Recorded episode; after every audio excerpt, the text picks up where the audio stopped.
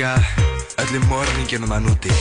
Passið ykkur, við erum að koma á eftir ykkur. Ef að þú ert morðingi þá skaltu hafa varan á. Því að nú er hann sóknarlegur reglan komin á stjá.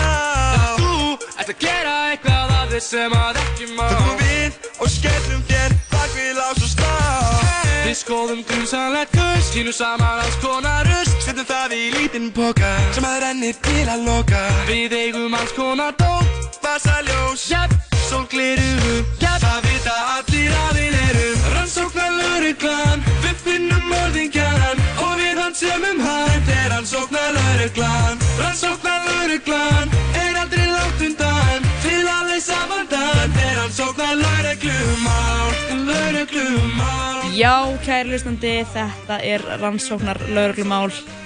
Gælur elskar glæpi, næsta dagskrá hér á útvarp 101. Ingeborg Eða er mætt í stúdíóið, þið verður hjertalega velkomin. Takk kærlega fyrir, gott að vera mætt hingað aftur. Epíst inngöngulag. Þetta er mjög gott inngöngulega og við hefum Sigurbjarti Sturlu Allasinni alltaf þakka. að við eigum nú 12-0 held ég meira að þakka. Já, má vera, má vera, en hann kom til ljóðuna, sko, þannig að kudos. En já, hvernig um, er morgunin að leggjast í fólk? Er þetta ekki bara svona frekar grár morgun eða? Uh, sko, hann var grár, svo var svo fallegt veður á hann og það var reist úr regnbói. Rísastór, sko. Að Ég- þá var maður eitthvað, "Ah, þetta er næs. Já, ég tók mynda á hann á leiðinu heim úr háskólanum, það var bara, Insta. Þetta var algjört insta regnbói. Þetta er Já. einstargbúinn. þetta var Instagrammable, eins og unga fólki segir. Er það? Nei um, Já, við erum með pakkaðan þátt hér framöndan Þetta mál er svona ég, ætl- ég ætla að lega mér að segja að þetta sé með þekktari málum Allir uh, sem að ég hef rætt við sem eru svona eldri en 25 ára Ok. eru bara, ó, þetta er svo ógæslegt eða svona ekki ógæslegt, þetta er bara svo sorglegt Já. og já, þannig að ég vona að fólk verði ekki fyrir vonbröðum og ég ætla að reyna að gera sér uh, góð skil en þetta er sem sagt uh, mál Andreu Yates en þegar Andrea var 37 ára þann 20. júni 2001 myrt hún öll fimm börnin sín með því að drekka þeim í baðkarnu á heimilinu hennar og eiginmannsins í Houston, Texas en hvað leiti til þessa hræðilegu atbyrða? Það Þetta- ætlum við að rekja í þætti dagsins Ég hef ekki heyrt þetta áður. Nei, einmitt, já, úst, mér finnst þess að ég hef þetta en maður Já. vil helst loka á svona minningar. Einmitt, ég bara, ég, sko í síðasta þætti að það var ógeðslegur þáttur Einmitt. Móðu mín, sko, hafiði orðaði við mig bara, þetta var of ógeðslegt Þú veist, fólk getur ekki hlusta á þetta Þannig að uh, ég tók aðra konu fyrir Því að gellur elskar glæpi Mhm. Og það er Andrea Yates Og ef við ekki bara dempa okkur í þetta Það er við Ég- nóg að fara yfir Ég er til í þetta. Hvað hérna, bara let's go. Já, Ísak, ert þú tilbúin? Þetta Ég er í mjög fyrsta skipti sem að þú ert í þessum þætti Já, ég ætla bara að leggja, leggjast aftur, Já, loka augunum og meðtaka. þetta er svona, er svona hlaðvarp í æð Já. Ok. Andrea Yates fættist hann 2. júli 1964 í Houston, Texas. Hún var alltaf mikið fyrirmynda barn og ætíð mikill full, fullkomnar sinni. Hún æfði sund og var fyrirliði sundliðisins og dúksaði mentaskólan, eða high school í bandaríkunum, náttúrulega rauðsig skólakerfi. Það gekk samt ekki allt í lindi hjá Andrei okkar þar sem að hún glýmdi við lótugræðki og þunglindi á úlingsárunum og tjáði vinkonu sinni þegar hún var 17 ára að hún glýmdi við miklar og alvarlegar sjálfsvíksöksanir. Og það er gott að hafa þetta svona bak við eirað fyrir framhaldið sem við förum í. Hún fór svo í háskólan í Texas og útskrifaði sem hjúgrunafræðingur árið 1986 og hóf þá að vinna á sjúkrahúsi. Og árið 1989 kynntist hún Rusty en hann var verkefnastjóri hjá NASA.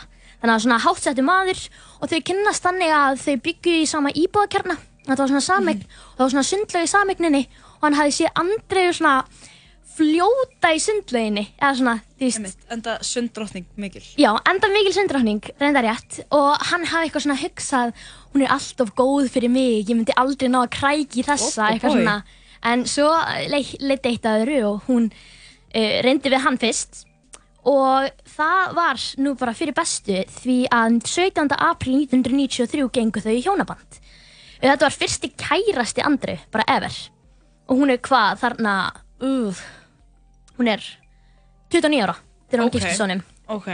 Ekkert að því. Nei, ekkert að, að því, en í einni heimildaminn sagði Rösti að Andrea var ekki mikil kynlífsvera og væri mjög spjörhætt og hún skipti bara um fötin í fataskóknum hennar og var lítið fyrir kynlíf jafnvel eftir að þið gengi hjónaband. Þú veist, þannig að hún var rosalega órygg með sinn líkama og þú veist, vildi ekki að hann myndi sjá hana. Uh, þau höfðu verið gift í tæft ár þá eignuðust þau sinn fyrsta son þrátt fyrir þessa mikla spjörhæðslu greið konunar og þetta var sonur þeirra Noah. Og eftir þetta ákvað Andri að hætta að vinna sem hjúgrunafræðingur og þetta er svona ákvörðun sem að margar vinkunar hann voru ekkert sérstaklega hrifnar af en Rösti hjælti alltaf fram að ákvörðunin hafi verið einróma. Hana langaði til að vera heima með barninu hún væri móðir og það verið það eina sem að skipta henni máli núna. En Andrea var alltaf, vildi alltaf þóknast öllum og vera fullkominn og hafa allt tipp-topp eins og ég sagði á þann. Þannig að vinkonur hennar og svona fjölskylda og aðri nærðinni halda ég fram að hún hefði hægt að vinna bara alltaf að mæta kröfum Rösti sem að var svona hans hugmyndir um fullkomna fjölskyldu sem, veist, þarna, hvað er þetta, 1993? Mhm. Að þú veist, uh, ef, já, fjögur þarna. Þannig að hún er hérna er að uh, hætta að vinna Já. en þannig að hún er, rauninni, er hún að gera það fyrir sig eða því hann er að beða Sko það fer tvennum sögum af því, hvað mm -hmm. út af því að Rösti segir bara að þetta er einróma Þú veist, þau, um, þeim langaði að gera þetta. Þú veist, hana langaði bara að setja sér alla í að sinna barninu. En þú veist, vinkonur hennar fjölskylda eru svona þetta gæti verið bara út af því að hún vildi alltaf þóknast öllum kringum sig og var í fullkomnunum sinni. Þannig að kannski var þetta hennar leið líka að stíga inn í þetta fullkomla amerísk, ameríska lífstíl eða þannig sem er svo þekktur, The American Dream En Andrea sagði samt síðar að eftir að Noah fættist hafa hann fengið hugs, hugsín eða offsjónir eins og kallað er vision á ennsku um hníf og langanir til að stinga eitthvað. Ok. Hann fann sataninni ásækja hugsanir hennar og tala við hana. En hún sagði samt aldrei neinum frá þessu því hún var alltaf að halda í þessa ímyndi að hún ætti að vera fullkomin. Mitt. Og vinkonur hennar sem að komið fram í heimilduminn sem ég horfði á um þetta mál sagði bara því, veist, ef að Andrew langaði ekki að segja þér eitthvað þá gaf hún engin merki eða vísbendingar um að eitthvað veri að, fatturu. Hún held öllu mjög nærri sér. Bara var ekkert að gefa neina vísbendingur um að eitthvað væri að því það myndi náttúrulega fara gegn þessum fullkomna heimi. Um, en það hefði verið svo auðvelt að grípa inn í á þessum tímapunkti að hann hefði bara sagt ykkur um frá. Á næstu fjórum árum eignuðist Andri og Rösti tvö börn til viðbótar, strákana John og Paul.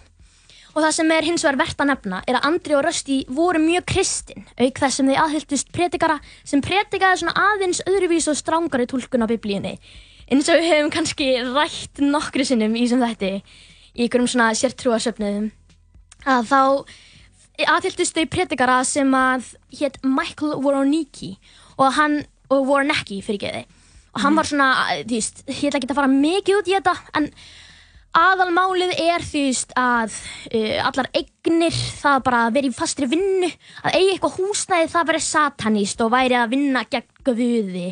Og veist, þeir voru með rosalega svona hvað segir maður svona um, agressívar predikanir að bara götu úti og hefði oft komist í kastulögin og hefði þurft að flýja Michiganar sem í byggu og voru bara inn og út á svona stopnunum og veist, þetta var svona stygt lið Þannig að hann, hann predikar fyrir því að vera eignalaus. Já, já, já, þetta er svona minimalísku lífstíl einhvern veginn, en samt þú veist, bara frekar brenglaðar hugmyndir, sko.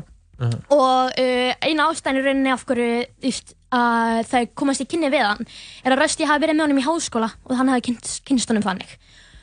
Og já, um, margir halda ég fram að það sé mitt vegna þeirra sem að Andri og Rösti fluttu með börnin sín þrjú í hjólhísi. Því að það var, þú veist, trúin þeirra hjá voru nýki hjónunum og börnunum þeirra að eignir væri satanist. Eða þú veist, þú ættir ekki að gera neitt umfram, þú veist, ekki, ekki neina græðki eða þannig. Og ekkert umfram það sem þú þarft. Og þegar þau fara svo að auglýsa að nota Greyhound rútu í svona fréttarétti voru nýki hjóna, að þá kaupa þeir Greyhound, Greyhound rútina og flytja inn í hana með börnin sín þrjú. Og þetta er sko 33, 33 fermetra rúta með þrjú börn. Ok, Wow. það er ekki mikið. Það er, ég sko átta mig aldrei á fermetrum en ég get rétt svo ímynda mér að það sé mjög lítið. Já, það er allavega ekki stórt. Það er bara til eitthvað svona ein max stærðarútu sem er ekkert endilega það stór. Nei, nákvæmlega, því bara svona, og En ef við ímyndum okkur bara íbúð sem er, þú veist, 40 fermetra ár, Mhm. þá Hvernig eignast maður íbúð? Næsta segð þú mér það. byrjulega fyrir með þetta hérna, í næsta einslægi, en bróður Andru segir að lífið í rútinu og alla barnir, barn, barneignirnar Jeremías hafi aflaust haft mikil áhrif á hana og til að bæta gráðan og svart var hann einnig að sinna föðu sínum að mikil álú, alúð, álúð, en hann var mjög veikur af Alzheimer. Þannig að veist, það var svona, alla barneignirnar hefði verið að, veist, hún sá bara ein um heimilið, fattur Hann var the breadwinner eins og maður segir okkur í íslensku Sækja brauðið. sækja pókan uh, og um, veist, hún var bara ein fattaði, Mhm. og var eitthvað svona inn í þessari, eins og ég er búin að nefna svo oft þessari útópísku, amerísku fjölskyldu ímynd. Mhm. og það sögðu margir sem að byggja í þessu hjólísakörfi þar sem að þeir voru með rútuna að bara það væri mikið álag á henni og hefði kvart röst til að hjálpa henni. En hann segði bara, það er skýr verkaskipting á heimilinu. Eða öllu heldur rútunni. Rösti sá fyrir fjölskyldinni en Andrea sá um börnin og heimilistörfin auk þess sem hún syndi heimamendun barnana Þú veist, Já, það voru ekki í skóla. börnin voru ekki eins og í Þannig að hún var skóla bara með þau allan tíman. nákvæmlega bara 24-7 og um, Rösti sagði líka alltaf að þau myndi eignast eins mörg börn og Guð myndi leifa þeim. Þetta var þessi kristna fjölskylda og þeir eru svona holdgerfingar kynnahlutverkana og þessum tíma þróaði Andrea mjög náið samband við Voroníki hjónin og skrifaði þeim alls konar bréf þar sem hún sagði frá sambandinu sínu við Guð og Rachel Voroníki sem er kona Michael svaraði henni og sagði henni og, og það sem hvernig þetta virkaði þú sendir svona bréf inn til þeirra og þau réðu út frá því hvað væri að þér þú veist, þú lísti sambandinu með Guð og þau sagði þér, þú þarft að bæta þetta þetta er það sem er að þér þetta er hvað ég menna Einmitt. Já, ok. ok. þannig að um, hún sagði að hún væri norn og hún væri göldrótt og ill norn og afkomandi Evu og voru nýki hjónin trúið að, að Eva hefði verið norn og að hennar tími, sem sagt tími Andreu til að breyta sínum siðinum og komast til himnaríkis var að renna út og þær trúið að allar konur hefði nornalegt eðli í blóði sem þær hefði í blóðinu sem þær hefði fengið frá Evu og þess vegna ættu konur alltaf að vera undirgefnar körlum í öllu Já, þetta er mjög eðlilegt. mjög eðlilega ásýn og kannski einhver svona uh, hlutverkaskipan sem hefur erist í gegnum kynnslóðunar í bandaríkinum. Ok, þannig núna er hann að fá að heyra bara eitthvað að þú ert norð. Já, já, já. Og þetta er bara eitthvað svona, þetta er fáránlegur heimur og eitthvað svona. Ég geti talað um þetta í marga daga því sem þess að trú sem að þau voru að predika, en það bara, það er ekki hægt að fara í sauman á öllu, sko. Allavega þetta er fárlegt. Þetta er allan að fáránlegt, það er bara, og þetta hefur áhrif á hana. Þeir trúðu einnig að konur í dag væri of linar og ekki nógu strángar við börnin sín. Ymmit. Og eitt af því sem að komið mitt fram í tímariti voru á Niki hjóna sem að þau svona gaf út er þetta, þetta kvæði sem að ég ætla að lesa upp og það er á ennsku en þetta hefur mjög mikla þýðingu þegar líður á málið. Mother Worldly was very, very lazy. All her children drove her crazy. The Bible told her to spank and train them, but society said she must never constrain them. The fruit of rebellion she did now see. On the day of judgment she would have no plea. Modern Mother Worldly cast in hell. Now what becomes of the children of such a Jezebel? Ok. Þetta er fáránlegt, sko. Þetta er... Og veitu hver skrifaði þetta lög? þetta er, þetta er bara eitthvað sem að kom fram í War on Niki um, fréttabriðinu sem að var dreift til meðlema safnaðarins Ok. og þetta er bara svona að vera að predika öðruvísi túlkun á biblíunni og þú veist, einfaldast að skýringin sem ég fann á Jezebel sem að það verði að lýsa þarna og það sem að mér fannst passa best í það svona mismunandi hvar maður les er að þetta er hvernmaður sem leitist eftir aðtigli frá eða er að reyna að nota einhvern sem er ríkur eða hátt settur til að koma sjálfri sér á framfæri. Ymmit. hvað er hvað ég meina? Og Andrea byrjaði svo endunum að trúa því að hún var í Jezebel eins og í kvæðinu og að börnin hennar væri öll að fara til helvítis. Og því að hún var ekki nógu ströng við þau. Ymmit. En það fengu allir þetta bref? Nei, þetta bara, þetta bara byrtist bara í tímariti sem að, sem að voru hann ekki hjónin gáfi út. Já, já, en þannig að þetta var ekkert beint til hennar. Hún bara tók þessu og var bara þetta er mig. veist, hún er alltaf bara ein heima með öll þessi börn og hefur ekkert annað að gera á daginn en að sinna þeim og fá bréf frá þessum söfnuðum og vera að mm sökku sér ofan í þetta sko. Oh my god. og hún náttúrulega líka er búin að vera þunglind áður og þú veist, er einhvern veginn búin að sína og vill vera fullkominn og þú veist, hún er svona móttækileg fyrir öðrum áhrifum því að hún vill þóknast öllum um, Rétt áður en að Andrea var 34 ára eignaðist hún fjórða son sinn og hann heitir Luke og þegar Luke var fjögra mánuða í júni 1999 ringir Andrea í rösti á meðan, meðan hann var í vinnunni og sagði bara Kondu heim, ég þarf hjálp Hann drýfur sig heim í hjólísakvarfið og inn í 33 fermetra rútuna þar sem að Andrea situr. Hún er að naga á sér fingurnar. Hún er ekki just að naga á sér neglunar. Hún er bara að naga fingurnar. Þú veist, fingurgómana. Já. Hún hristist öll til. Hún hefði bara fengið mjög alvarlegt tauga áfall. Hann saði síðan að hann hafði ekkert hugmynd um hvað hann ætti að gera í þessum aðstæðum sem að, þú veist, mér finnst skiljanlegt að, þú veist, fyrsta sem hann myndi gera, hann væri væntalega að fara með viðkomandi á, og leita aðstofar, skilur en þetta var árið 1999 og umræðan um geðsjúkdóma eh, var ekki jafn góð og hún er í dag kannski. Og hann bara hvað fer með alla fjölskylduna á ströndina. Og daginn eftir Bara þá fer keiri rútuna bara, eða hvað? ég bara veit það ekki, en þeir fara bara á ströndina. Ok. og eru bara eitthvað svona, eitthvað svona strandag og daginn eftir flytur, flytja þau öll heim til foreldra Andreu. Oh my god. Um kvöld þessa sama dag sem þau flytja inn, daginn eftir að hún fær tögafall, reynir Andrea að fremja sjálfsmorð með því að innbyrða of stóran skamt af með föður síns. Hún var strax flutt á sjúkrahús og lögðin á geðdeild. Hún var þar greind með alvarlegar var, en var send heim eftir viku vegna þess að sjúkratryggingarnar hennar dugði ekki lengur. Henni var þaðan vísað til geðalækni sem ávísaði mjög sterkum geðlifum en Andrea vildi ekkert vera á livjum og hún stundaði að reglulega styrta niður livjónum. Þetta voru bæði rámdýr, geðakorfasíkislif við offsjónum og ykkur svoleiðis. Eða þú veist, að hún faldi þau í tungunni og, veist, og þegar það var verið að aðtöga hvort hún hafi glept þau, opnaði hún munnum þá var svona fali í tungunni þannig að það sæst Já, ekki. undir eitthvað svona. Já. Ugh. Hún klóraði skallabletti á höfuð á sér og klóraði sér til blóðs og síndi lítil bata, batamerki. Guðmur almatur. Ísak er að farast en að ég set á mótunum og hann getur ekki eins og hort á mig meðan ég er að segja þessu sögur. Ég vorkenni þessari konu svo mikið. Þetta er alveg ræðilegt. Þetta er sko, hún byrjaði líka að upplifa sömu offsjónir og hún hefði upplifað eftir hún hefði átt sinn fyrsta son, Nóa. Hnífana. Já, með hnífinn og hún ætti að ná í hníf og stinga eitthvað og gera eitthvað. Og eitt kvöld voru þessar hugsanir ekstra sterkar og þær sögðu henni ítrekkað að sækja hníf.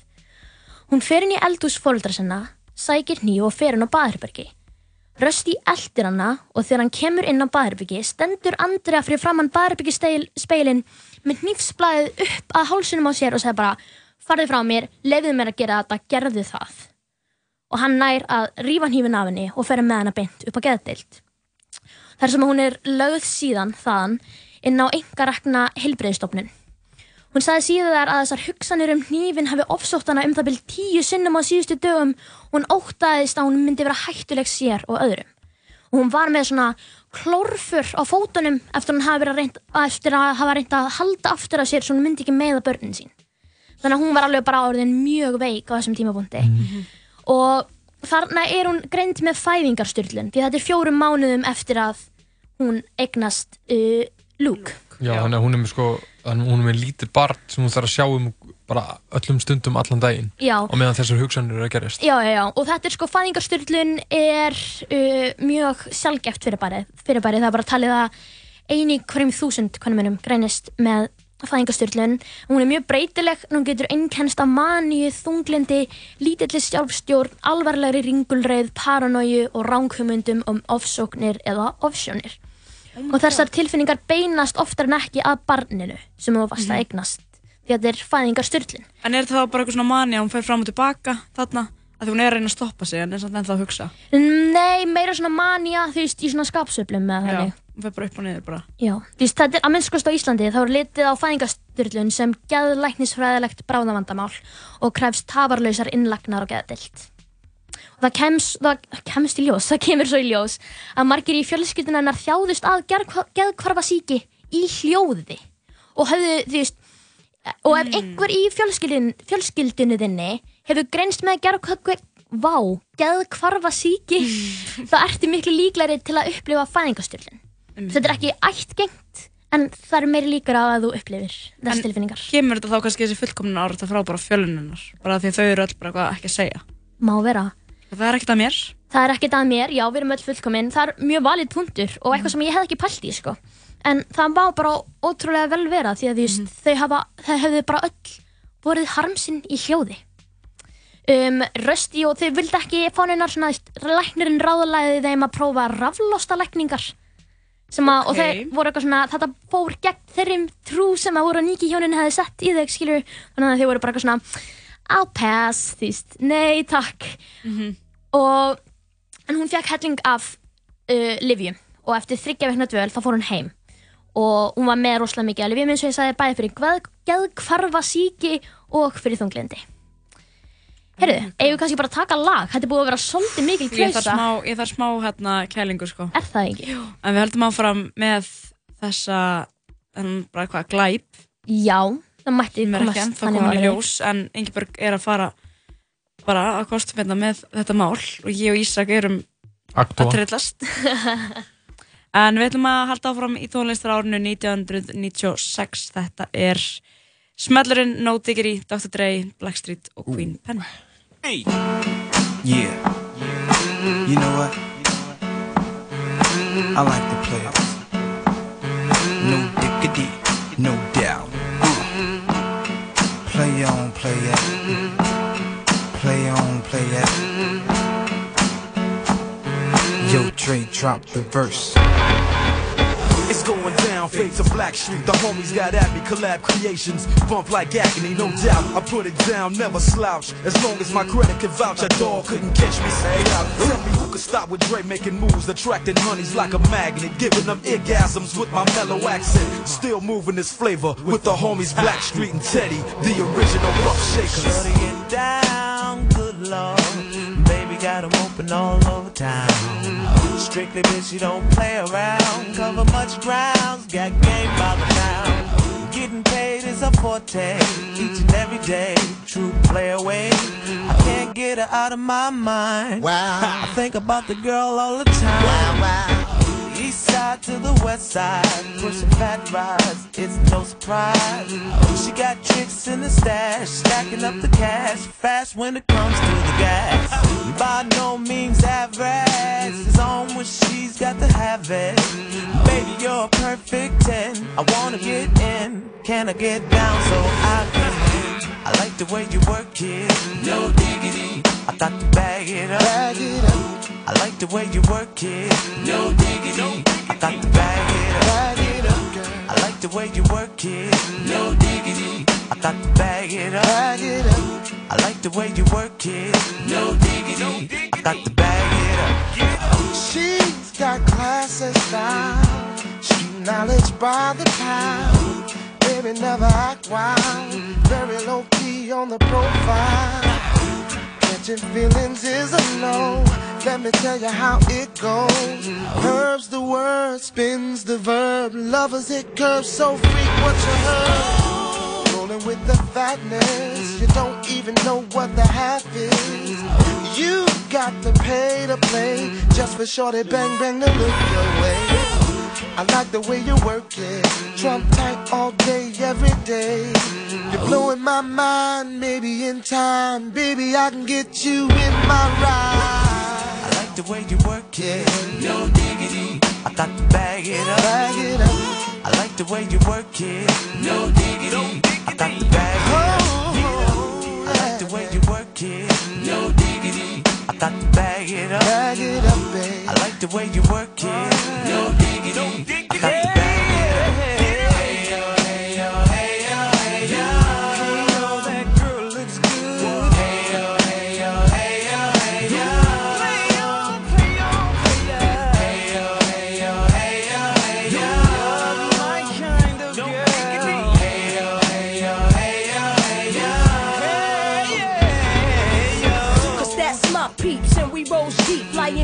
flash from New York City to Black Street. What you know about me? Now don't we up for the thing. Cartier wooded frame sported by my shorty.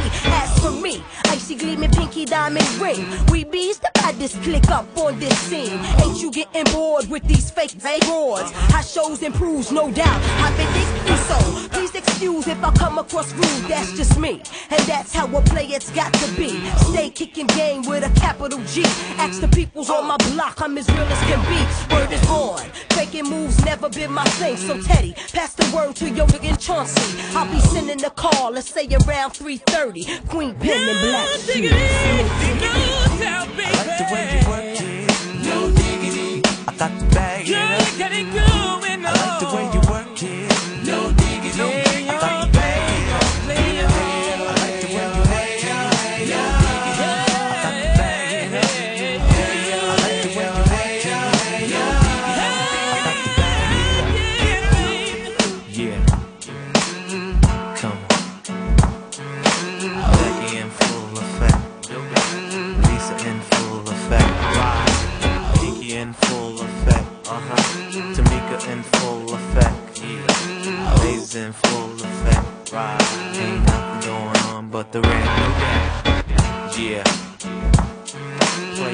Play on, play it, play it, play on, play on, play on, cause I like it. Ride, no diggity. Já, það er lagið No Diggity hér út af fundrainum sýtist afturinn tala saman sem heilsa er á þessum já, fína fimmtudegi.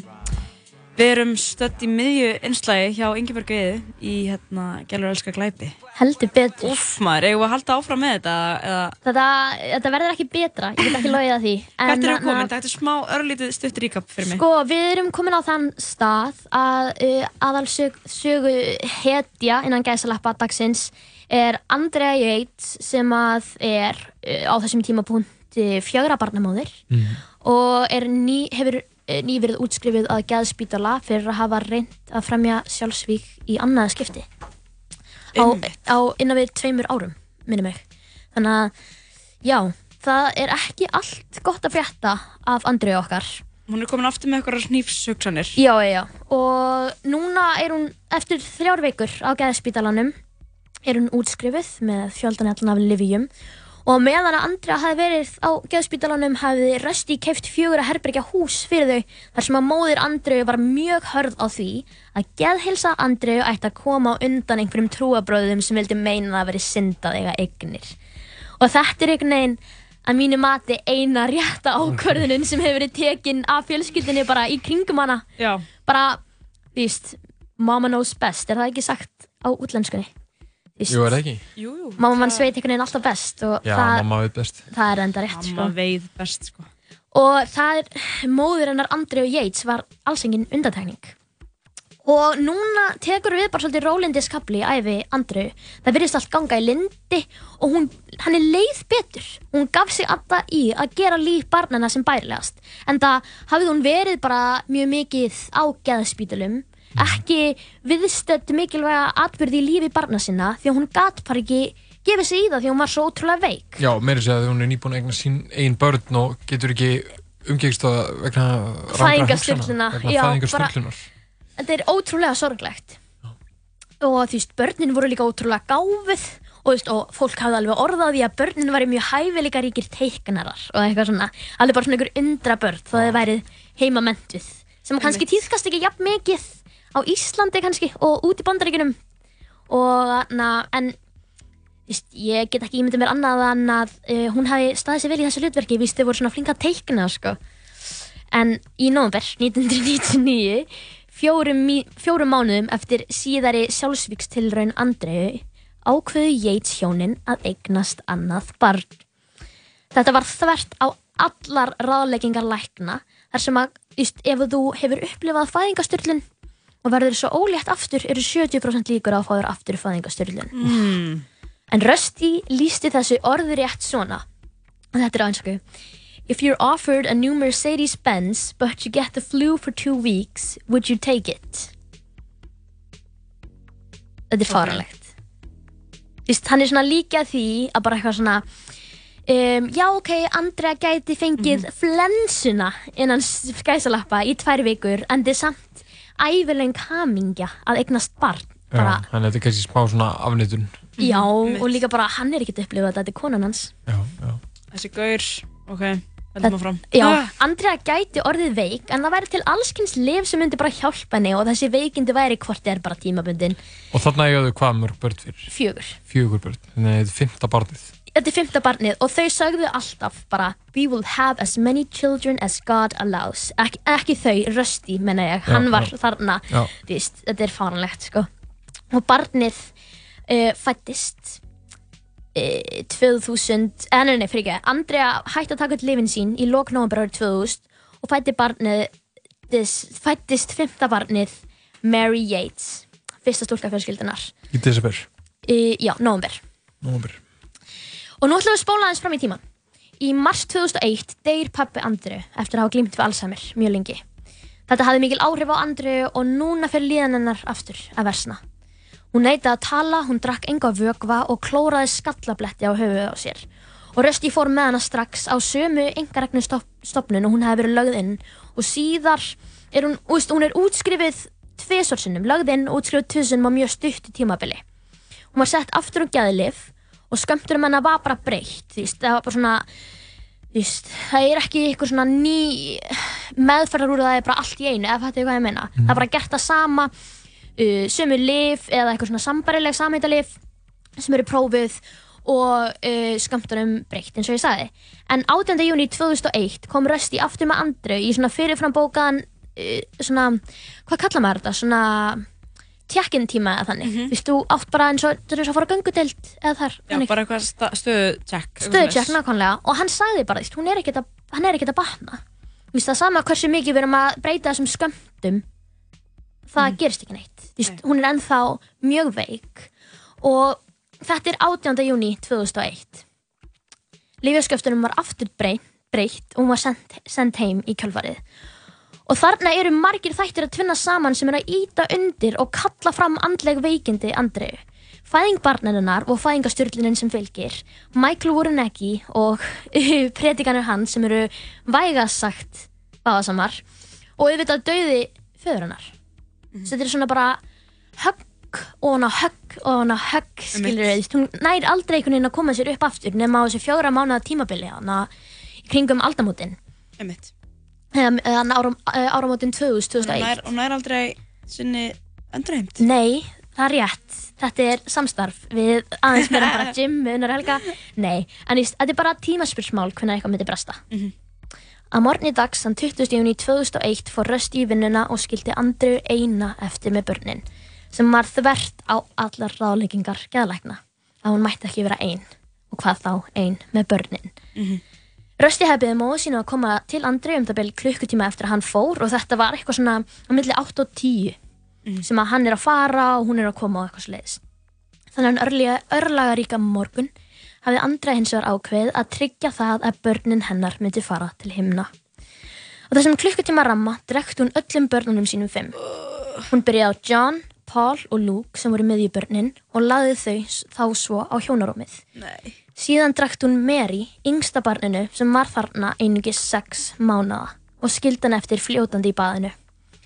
Noah, elsti sonurinn sem var þá sjö ára, hafði átt að sjá hvað var að gerast og reyndi að flýja, en móður hans hafði náðunum að lokum. Hann varðist harkalega og hjælt að það væri bara verið að skamma hann og alltaf þegar hann náði svona kollinum upp úr vatninu, þá sagði hann, Mommy, I promise I'll be good. Ói! Svo Þetta er alveg óvíslegt, sko. þetta er ótrúlega bara sorglegt og ræðilegt. Ingibjörg. Hún skildi hann eftir í baðkarinu, setti Mary í faðm John sem hafði alltaf passað litlu sýstu sína og hún vonaði að hann myndi gera það í himnaríki líka. Andrea Yates ringir svo í 911 og segist þurfa aðstóða lauruglu en sagði aldrei af hverju. Hún ringdi síðan í Röst- Rösti og sagði hann um að hann þyrfti að koma strax og hann vissi strax að þetta væri eitthvað hræðilegt, já, síðast þegar hún ringdi í hann og baði hann um að koma heim úr vinnunni þá hafði hún fengið tauga áfall. Með puttana þarna og eitthvað. Já, einmitt. Og hann spyr bara, er allt í lagi? Hún bara, nei. Er eitthvað að börnunum? Já. Hvaða barni? Þeim öllum. Og þegar Rösti kemur heim, þá hefur lögreglan nú þegar girt af heimilið þeirra með gulum borða. Lögreglumenn uppgötuðu fjögur börn undir laki á hjónarúminu og nóa litla fljótandi í baðkarinu. Stuttu setna var Andrea leitt út úr húsinu í handjárnum. Hárið hennar og fötin hennar voru ennþá blöyt af baðvanninu. Aðspurð af hverju hún framdi laurugluna, nei, framdi voðaverkið, sagði hún It was the seventh deadly sin. My children weren't righteous. They stumbled because I was evil. The way I was raising them, they could never be saved. They were doomed to perish in the fires of hell. Andrea var vissum að djöðlinn sjálfur, eða Satan, hefði tekið sér fótfestu í líka með hennar og að hún væri Jezebel sem við tölum um áðan í ljóðinu. Eins og hún hefði líst í í kvæði í fréttariti voru nýki. Við réttarhöldin sótti ákæruvaldið hartað Andreu og ákærði hana fyrir, ekki bara fyrir morðið, fyrir ekki, bara fyrir morðið á tveimur börnum og Mary Bell sem var ungbarnamorð. Því að þeir vildu eiga þessar tvær ákærur inni í, va í vasanum, inni bara, ef að eitthvað skildi fara úr skeiðs fyrstu réttarhöldunum. Þú veist, ef að það væri mistræl eða eitthvað svona, bara eitthvað svona, þú veist, þau, út af því að almenningsálitið vildi sjá Andrew Yates dæmda til dauða og saksóknarinn í Houston, Texas var ekki að fara að láta neitt annað gerast. Um, málsvarsmenn Andru voru samt mjög svona, svar þeirra við ákjærunum væri að hún væri ósakhæf vegna fæðingastyrlunar. Og til að vera dæmdur ósakhæfur í Texas þurfa tvö atrið að liggja fyrir. í fyrsta lagi að verjandi sé með einhvern andlegan kvilla Mhm. tjekk, klárlega og í öðru lagi að verjandin hafi ekki vita munin á rétt og röngu þegar atbyrður nátt sér stað. Og dómsvaldið eða ekki dómsvaldið, ég meina na, ákæruvaldið var mjög hart á því að hún hafi vita munin á rétt og röngu þar sem að hún hafi bara verið með vissan tímaramma sem hún vissan geti gert þetta.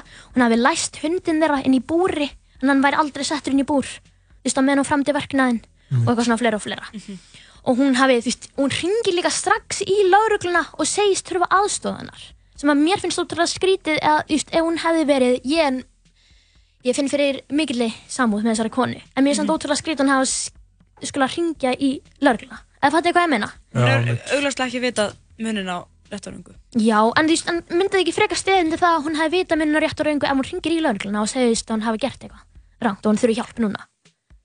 Það fer bara svolítið eftir hvernig maður skilgrunir það, sko, en- sko. Manneskinn er alltaf augljóslega mjög veik Já, Já, augljóslega líka sko heldur hún að hún sé að gera eitthvað rétt. já, hún, að hún heldur það Hún er að þjóna einhverju aðra valdi að henni finnst Já, að henni finnst, en kviðdómurinn var ekki sammála.